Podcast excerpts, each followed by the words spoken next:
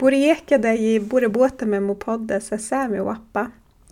Välkommen till min podd Samesystrar. Jag heter Anna-Maria Persson och jag kommer från Horsbotten i Jämtlands län på den svenska sidan av Sápmi.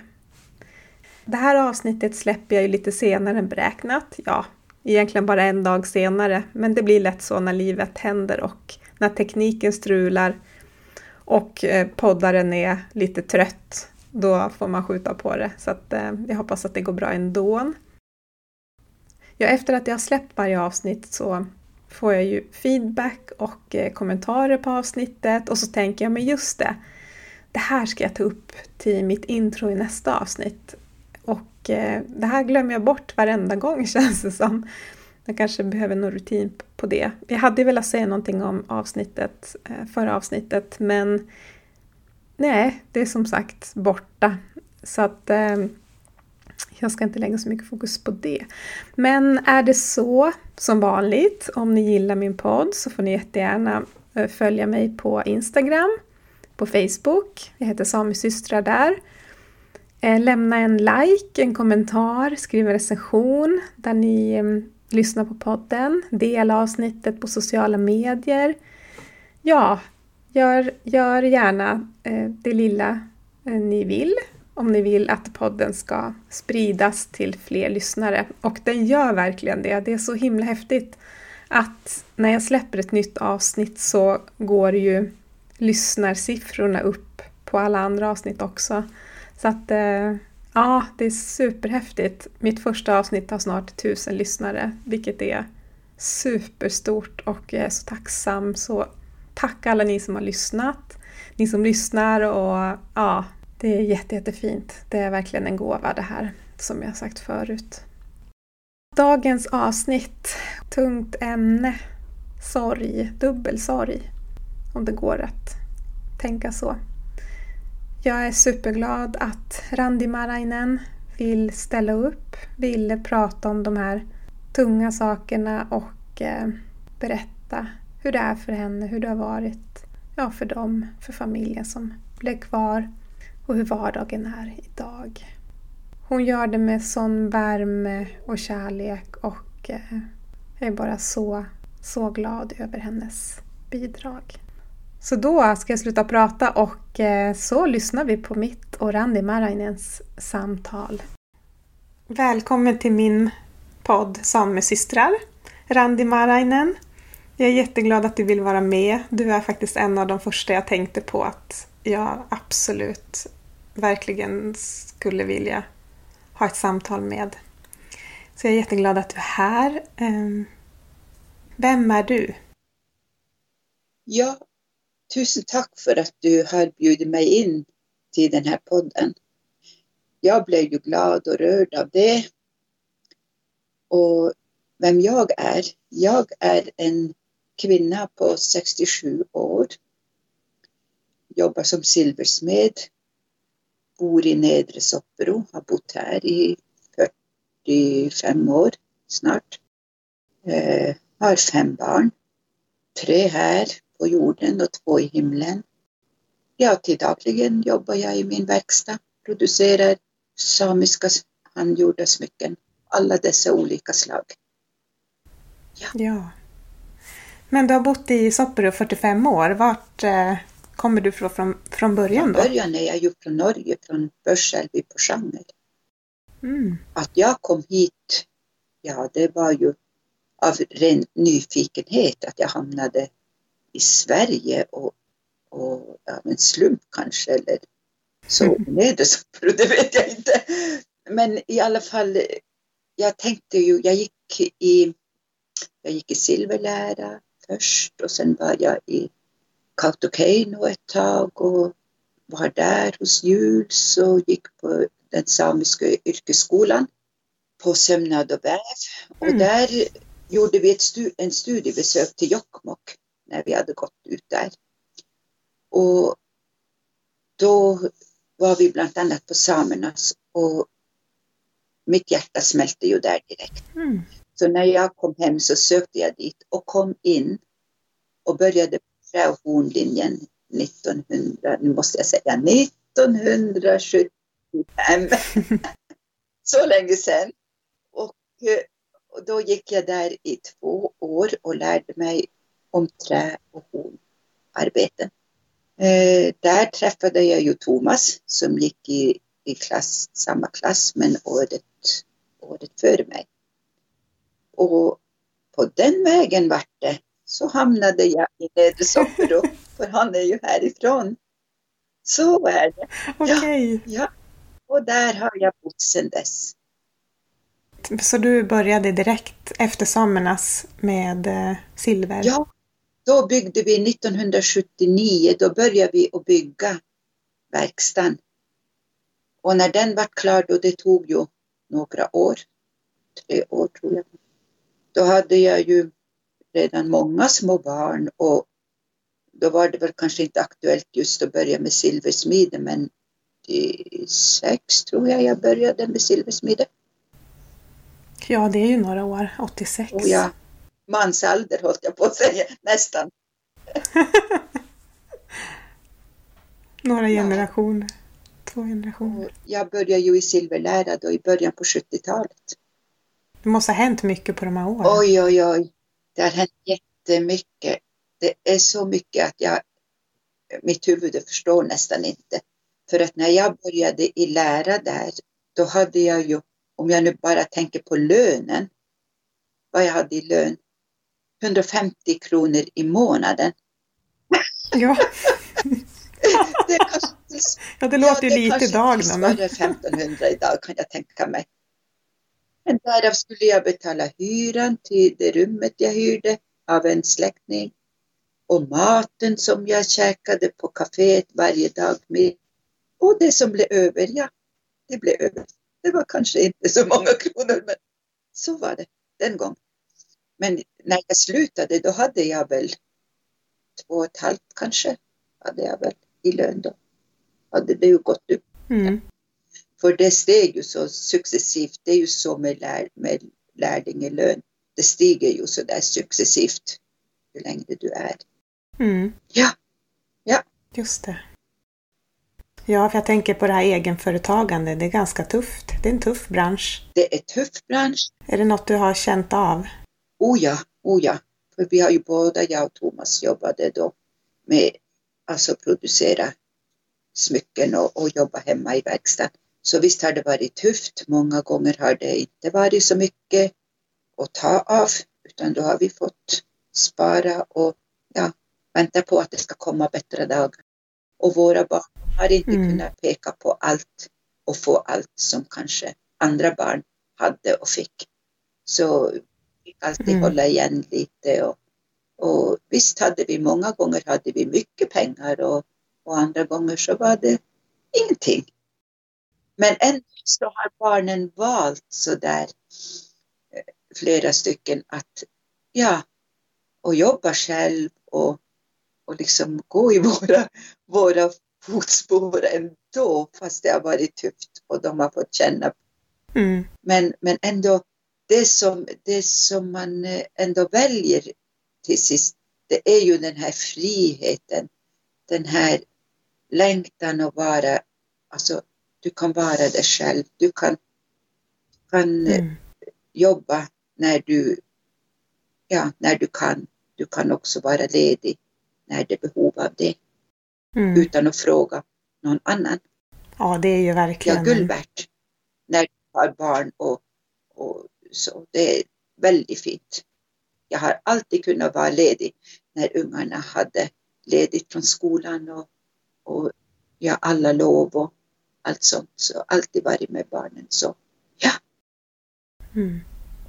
Ja men det är jättefint. Det tror jag är jättefint. Att få ge det jo, till sina barn jo. också. Och så har du ju ja. och så jobba hemma i, i verkstaden. Och det har ju varit en trygghet för barnen. När de kom hem så, så visste de ju att Edney var där. Jag satt i verkstaden mm. där så de, de visste att jag var ingenstans. Jag var inte så långt borta de kom och kikade i dörren och så sprang de in och kanske tog en macka och lekte ute och, och jag gick in lite mat Precis. och så var det ju. Ja. Ja. ja. Alltså det där känner jag igen ja. hemifrån också. Ja. Min mamma, min chichi, hon satt ju alltid och sydde när jag kom hem i princip. Så sprang man ut Ja, och lekte. ja, eller hur? Ja. Alltså det är ju en trygghet. Ja, Ja, ja ja det är fint. Mm. så så var det. Men jag tänker, Um, ja, eftersom du har hållit på så länge med ditt företagande så har du ju, du har ju lyckats. Jo, man kommer ju inte direkt när man börjar liksom med att slöjda att man liksom får massa kunder och efterfrågan och, och att det går så där 100 procent bra. Det går ju successivt så där att du stiger lite grann och lite grann och, och tar dig vidare. Så, så summa summarum, när jag nu vänder mig om och kikar tillbaks efter vägen jag har gått, så visst har det gått bra. Det har det. Mm. Ja. Men var du en av, en av de första, kan man säga så? Ja. Förstår du? Som, Ja, det måste du ha varit. Som, som började med samiskt silver. I alla fall på svensk sida, tänker jag. Eller kanske i hela Sápmi. Nej, det var ju de här från, från utlandet. Jules och Singer, Andreas Mm. och de här Lauts i Tana. Det var ju de som... Men Petteri Laiti i Inari, han har ju hållit på länge också. Och eh, Tori Labba har ju hållit på nästan så länge som jag. Just det, ja. Sen har det Mm. ju kommit nu efteråt väldigt många. Ja, precis. Jag önskar ju dem lycka till på färden men vägen är lång. Ja, det är väl så. Ja. Det tänker jag också. Ja. Att det tar några år att bygga upp och sen, sen kan det rulla på. Och det är liksom att starta ett företag, du måste ha tålamod. Det är tålamodskrävande att, att om det inte alltid går så bra, att inte ge upp och hitta dina egna grejer, inte kopiera någon. Utan det gäller att hitta sin gren.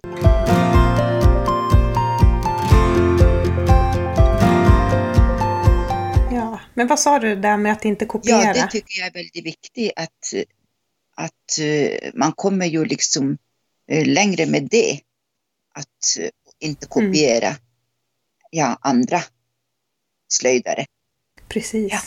Ja. Mm. Så det, det Mm. är A och O. Och där jag har försökt hela tiden att eftersträva liksom min stil och, och min design och, och det tror jag jag har hittat. Ja, det Ja. tycker jag absolut. Ja. ja. Och får man tänka på ett väldigt fint uppdrag som du fick för några år sedan. Ja! Vill du berätta om det? Då var det ju en dag så ringer telefonen och då är det din tjej Lena som ringer mig och säger hon Randi, vill du vara med i ett projekt? Jag säger, vad då för projekt? Ja, och göra silver åt kronprinsessan. Säger, nej Lena, det, det kan inte jag, säger jag. Jag blev ju där, jag fick ju hakesläpp. Så säger hon, jo då, jag ska sy eh, kläderna, dräkten åt Gakti och, och allting. Jag ska sy det. Och så gör du silvret. Och hon ska inte ha mössa, så det, hon ska ha något i håret. Så något i håret och risk och någonting sånt där. Det kan du väl göra. Och så fick jag några sekunder liksom betänketid.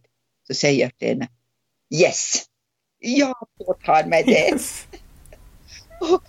Och jag gjorde det och Lena sydde och, och jag gjorde åt kronprinsessan och det var väldigt, det blev väldigt bra och, och det var, ja det, det var så kul Mm. och det var så hedrande. Mm. Och så fick vi, jag och Lena till och med fara till Kiruna och, och vara med och, ja när hon skulle ta på sig. Ja, du var också Ja. med.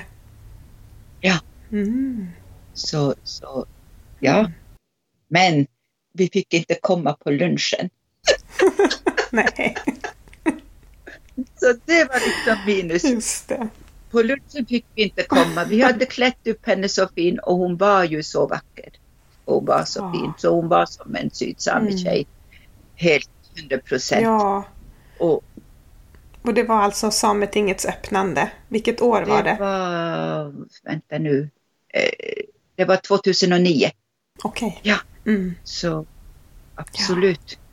Nej, och vi Ja. tänkte ju, ja vi får väl komma dit och käka lunch nu när vi har gjort så mycket fint och Precis. Och vi fick lång näsa. Det det. var snålt.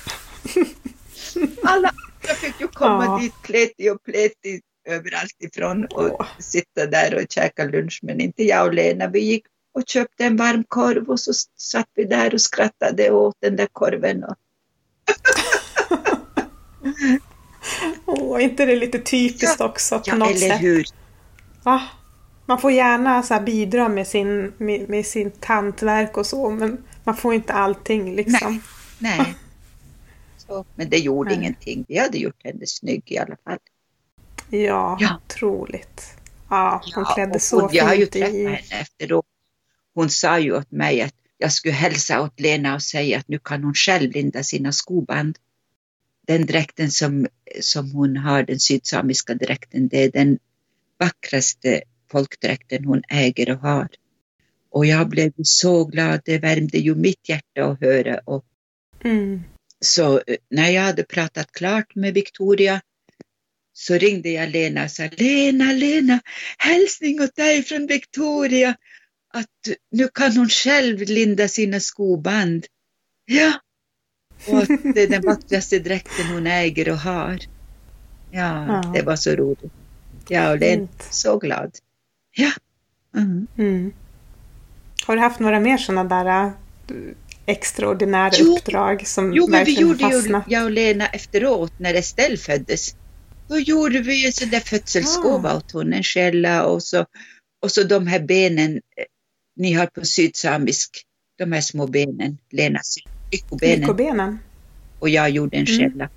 Och så gjorde vi ett paket och så okay. skickade vi och så skrev vi alltså betydningen och allt det där, vad det betydde och skickade åt henne som present.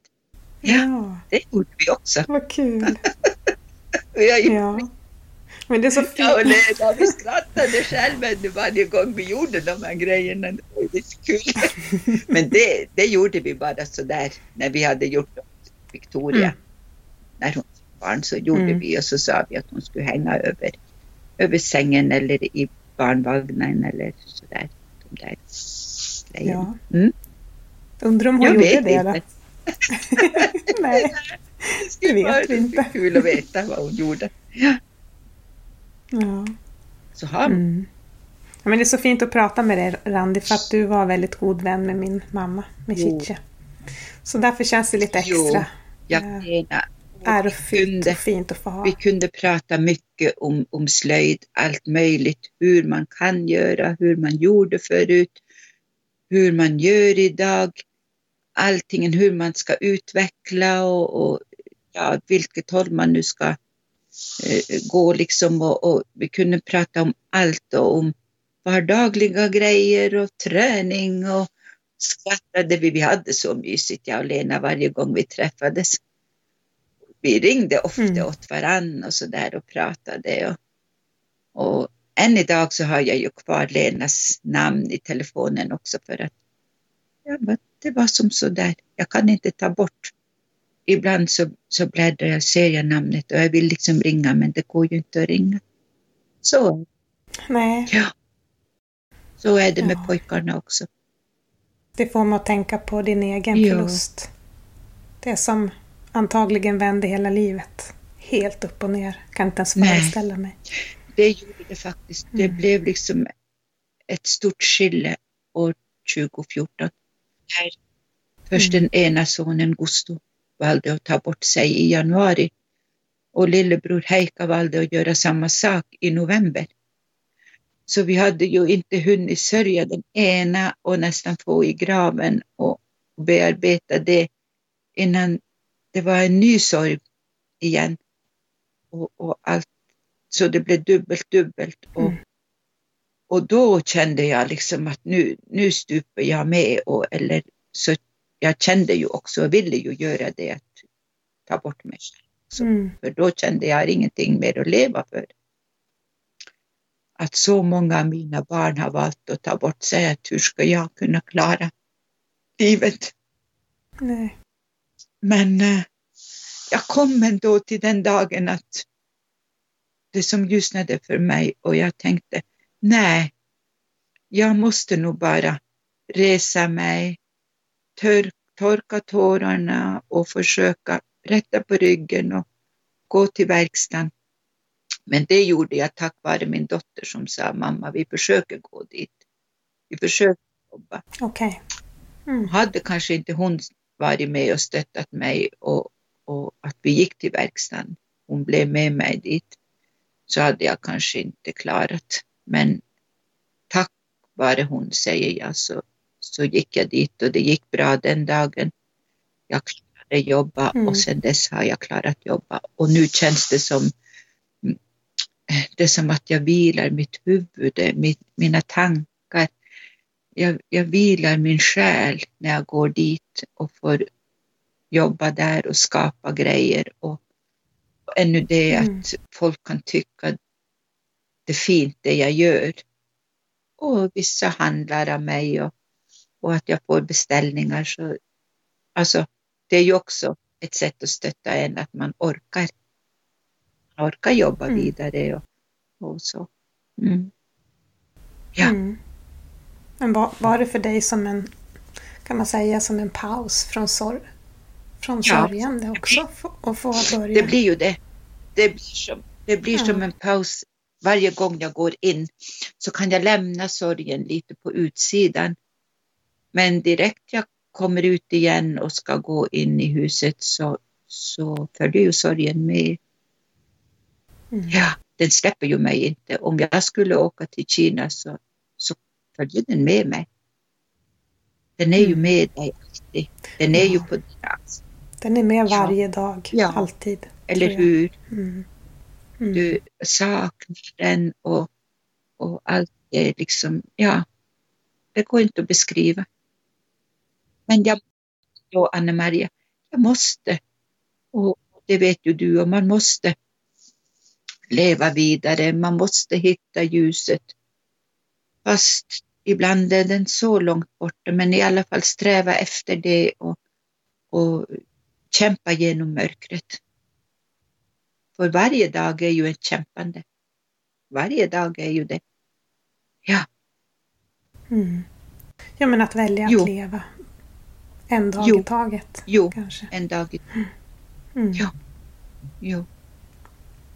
Ja, alltså det har ju ändå hänt lite. Jag tänker det är många i Sápmi som har förlorat barn.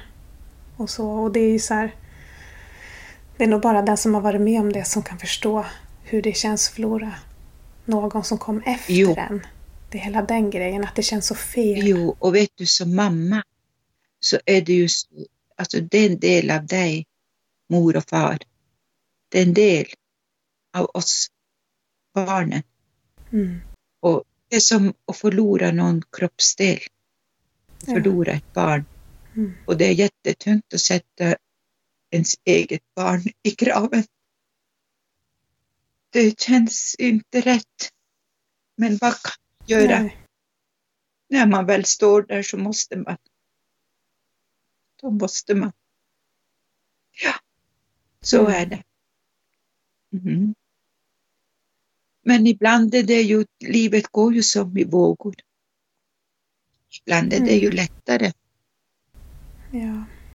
Och så är det igen, då ramlar du liksom ner och det går som upp och ner hela tiden. Det skvalpar hit och dit och du, du, ja, du kämpar, det är ett evigt kämpande. Ja. Mm. Mm. ja. Och gråt, ja, gråten är ju bara helt nära skrattet också. Alltså ena ögonblicket så kan, kan man skratta, andra ögonblicket så gråter du. Alltså så när är mm. det. Ja. Och så måste man ju hitta liksom sitt sätt att sörja och sitt sätt att, att bearbeta. Mm. Ja, man hittar ju det liksom efter ett tag. Man hittar det. Ja, man gör ju det. Och jag har ju, men jag har ju förlorat personer som kom före mig. Så jag minns så tydligt Eh, när jag var och hälsade på det här för några år sedan. Det är bara något år sedan jag svängde in ja. i Soppro och, och träffade ja. där i, i verkstaden. I din stud, verkstaden. Ja. ja. Och så sit, sitter vi där och så pratar vi då om Lena också och om dina söner som du har förlorat. Och så gråter vi tillsammans. Och, och, på något sätt så kan jag känna, kände jag så här, sån och som värme inför dig att, att du kände med mig i min mm. sorg.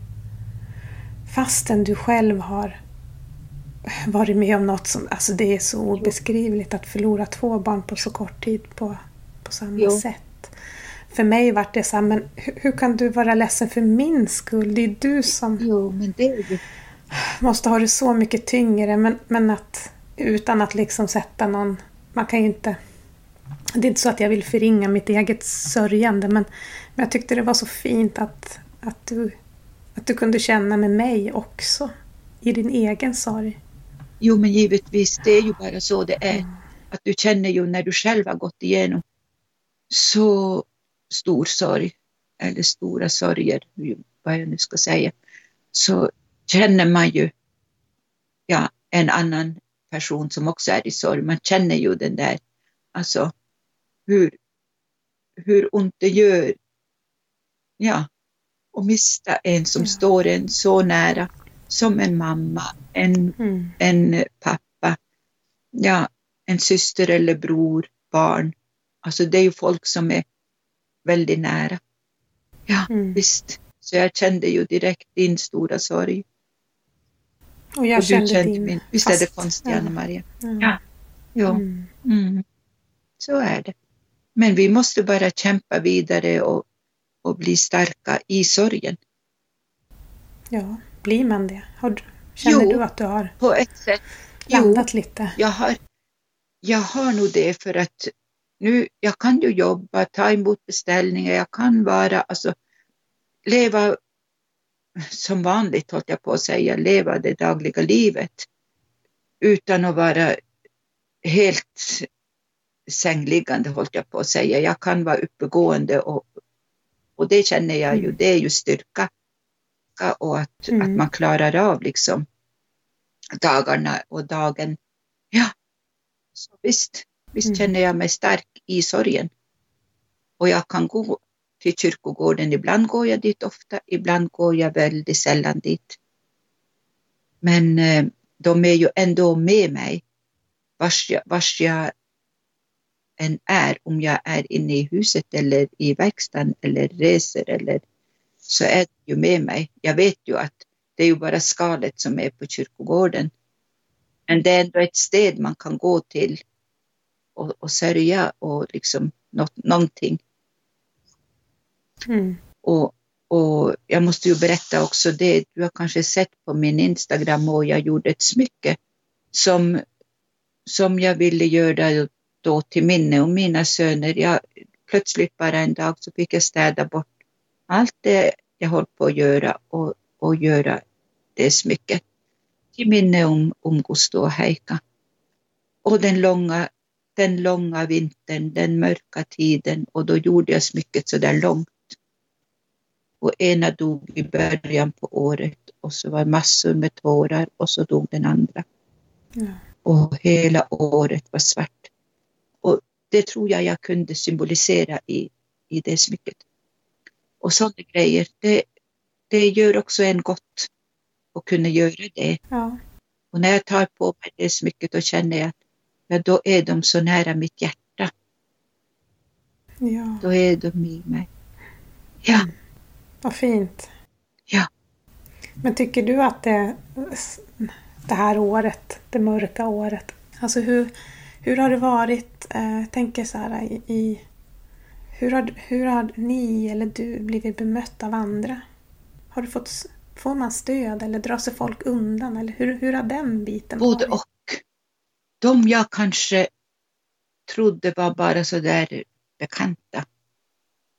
När, när det blev liksom den här sorgen hos oss så, så visade det sig att de var ju mina bästa vänner de brydde sig om mig, mm. om oss. De skickade goda tankar, de bad för oss, de ringde eller ringer, de hör av sig, de kanske kommer med någon blomma någon, någon gång. Alltså inte som hade räknats som var mina vänner. Men nästan alla, eller många som, jag, som var mina bästa vänner, de försvann. Jag har aldrig hört av sig här idag de var så borta Oj. och är borta. Ja, De vill inte mer höra av sig. nej. Men det är så märkligt Jo, så kan man ju märka ibland att folk som undviker en liksom, gör gå som en Mm. cirkel för inte att behöva träffa en och, och prata med en och sådär. Ja, det där är så märkligt och intressant. Vad som sker. Det ju, finns ju ett sånt där ordspråk. Att det i... Ja, nu minns jag inte hur det var men att... Men, ja, Ja, i sådana stunder så visar det sig vilka som är ens vänner Ja. i tuffa stunder. Ja, något sånt. ja, ja. Och här för kanske, ja det är väl två veckor sedan nu, en och en halv vecka sedan, så en sen kväll så ringde det på dörren. Då var det en sydsame kvinna som kom med en blomma åt mig. Mm. Mm. Hon sa hon hade tänkt så många gånger men nu äntligen stannar hon till. Hon tänker ofta på oss för hon har också förlorat sin bror. Ja. Mm.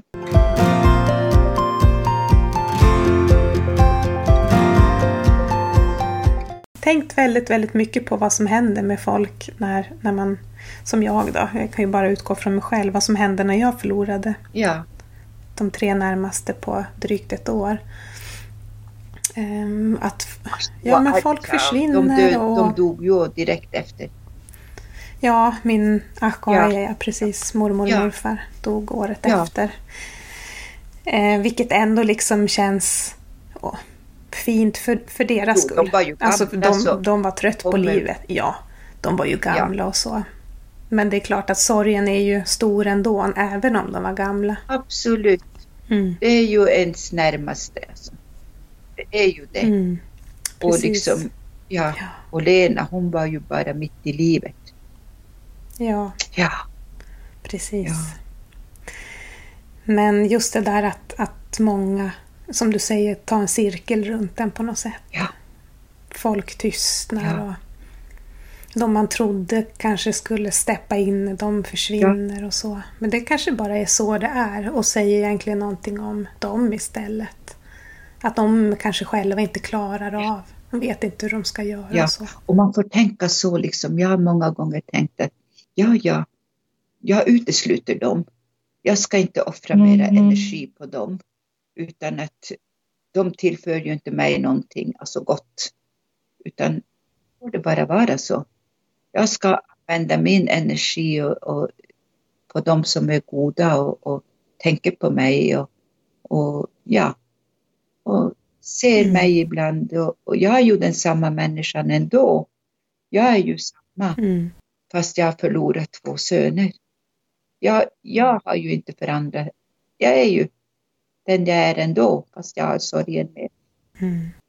Det, det är ju, jag har ju inte blivit annorlunda.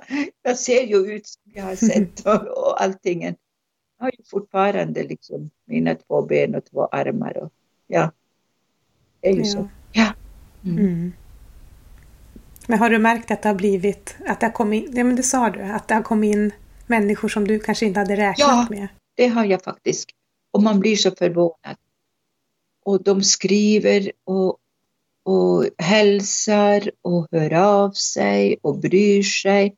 Och jag blir helt rörd och jag tänker oj, vilka goda människor. Åh, vad de är Mm. liksom snälla och de bryr sig om mig fast jag är här med min sorg och de tänker på mig och skickar glädje och godhet åt mig. Goda tankar och positivitet. Och det är sånt som stärker en.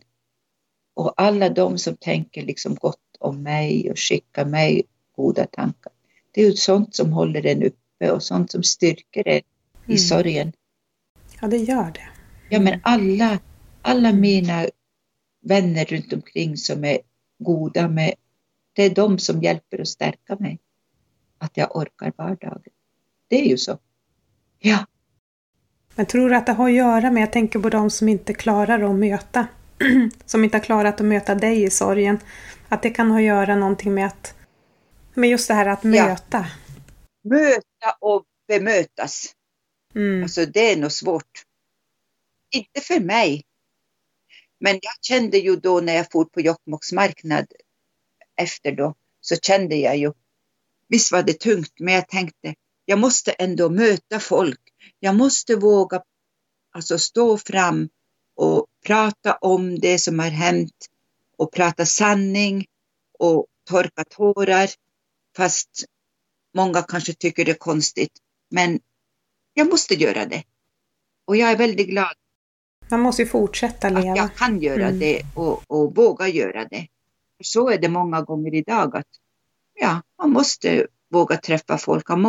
Och man måste hela tiden prata om det, det här svåra som har hänt för att det är så du tar dig vidare. Annars kommer du inte vidare. Och du måste tala sanning. Du ska inte ljuga. Mm. Utan du måste tala helt sanningen. Och, och då blir det liksom rätt och då, då, då får du styrka. Mm. Och därför ja. är det så himla fint att vi kan ha det här samtalet i min podd. Ja. Det är jättefint. Ja, ja. För jag här... hoppas att du måste ju kanske ta bort något. Det är ju kanske något svammel. ja, precis.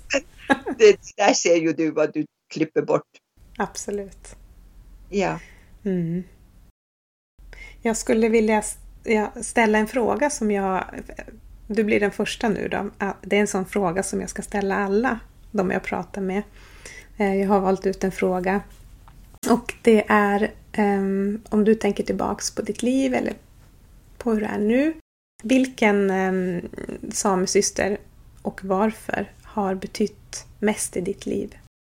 Ja, så, så är det ju. Det är ju många. Det är inte bara en. Det, jag har ju väldigt många samesystrar som har betytt så mycket för mig. Så, men eh, ja, det var väldigt svårt att säga just en. Ja, man vill inte utesluta någon. Nej, Nej. Det var väldigt svårt för jag har så många fina samesystrar som har betytt så mycket. Mm. Och skulle jag börja det blir många, ja. många namn. Men, men jag vet inte, jag tror inte jag ska nämna några namn. Nej. Kanske, eller måste man nämna ett namn? Det måste du inte. Ja. Men, men det, är ju, det är ju många, det är ju, ja, jag har så många som har betytt väldigt mycket. Mm. Nej, nu blev jag så där nu ramlade jag som i en sån där jättefälla här. Nej. du säger pass som, på den? Ja. Mm. Jag vill som inte såra någon och säga liksom det ena och det andra utan att det, jag har många, kanske mm. fem stycken i alla fall som... Mm. Det är ja. jättefint. Ja. Men alla är ju inte aktuella idag. Några är ju borta och ja, några av Eh, några har gått eh, bort och några, några är, har valt själv och, och, inte har kontakt med mig och så. Men, men det har ju haft en betydning i mitt liv, mm. givetvis. Mm. Det är ju så. Och några är kvar. Så så är det. Mm. Ja. Är det något du skulle vilja säga som du känner bara, men det här behöver jag berätta? Eller det här vill jag att folk ska höra? Till exempel i sorgebearbetning eller? Nej, det är väl inte, men det är ju väldigt, det var väldigt fint att, att, att få prata med, med dig om, om allt det här. Och, ja, jag vet mm. inte något annat, men ja, mm. kanske någon vill lyssna på det. Ja, det jag tror jag. Inte. Jo, det vet jag absolut. Jag har ganska många lyssnare faktiskt. Så att, uh, ja, ja. ja, ja. Mm. Men vad kul.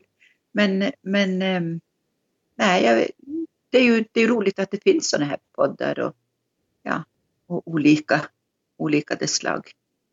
Ja. Lite olika, olika människor ja. med. Så att, eh, och jag tycker sorg, det är ett, och även företagen, men framförallt sorg då att ja, men det ska vi kunna prata om. Vi behöver prata om det högt. Ja, ja. och att, att också att företagande har ju också levt vidare fast, fast sorgen kom. Exakt. Ja. Att, det, att företagande inte försvann Nej. I, i djupa sorgen. Och, och där brukar min son stötta mig och säga många gånger att, att uh, vi måste vi måste eh, kämpa vidare, att vi måste inte låta, vi kan inte låta sorgen ta helt hand om oss. Nej. Och, och i, ja, i allt och, och, allo. Utan att vi måste jobba, vi måste leva vidare, vi måste se ljuset. Mm. Och så där försöker vi att trösta varandra. Mm. Ja, och det är sant. Mm. Absolut, helt sant. Ja. Ja. Och där, ja, det är väl, det är jag väldigt glad för och det kan ju vara tack vare Kristin. Och där är ju också företagande har ju gjort mig liksom, ja, stark att jag kan gå dit och jobba. Mm. Det är ju tack vare det också. Mm. Mm. Att jag kan gå dit till verkstaden och jobba och skapa något med mina händer och, och att folk tycker om och handlar och beställer och ja, Mm. att det fortfarande mitt företagande lever fast sorgen är med mig. Mm. Faktiskt, det är en väldigt fin poäng. Att sorgen fick inte ta död på företagandet. Nej. Bara Nej. för att den kom. Ja, Mm. bara för att ja, Mm. så det är ju också något. Mm. Mm. Men tack så jättemycket. Ja, Ja. jag visste inte vad jag skulle säga men så är, så är det nu. Mm. Ja. Mm. Men tack Anna-Maria för att jag fick vara med och så får vi höras. Det gör vi.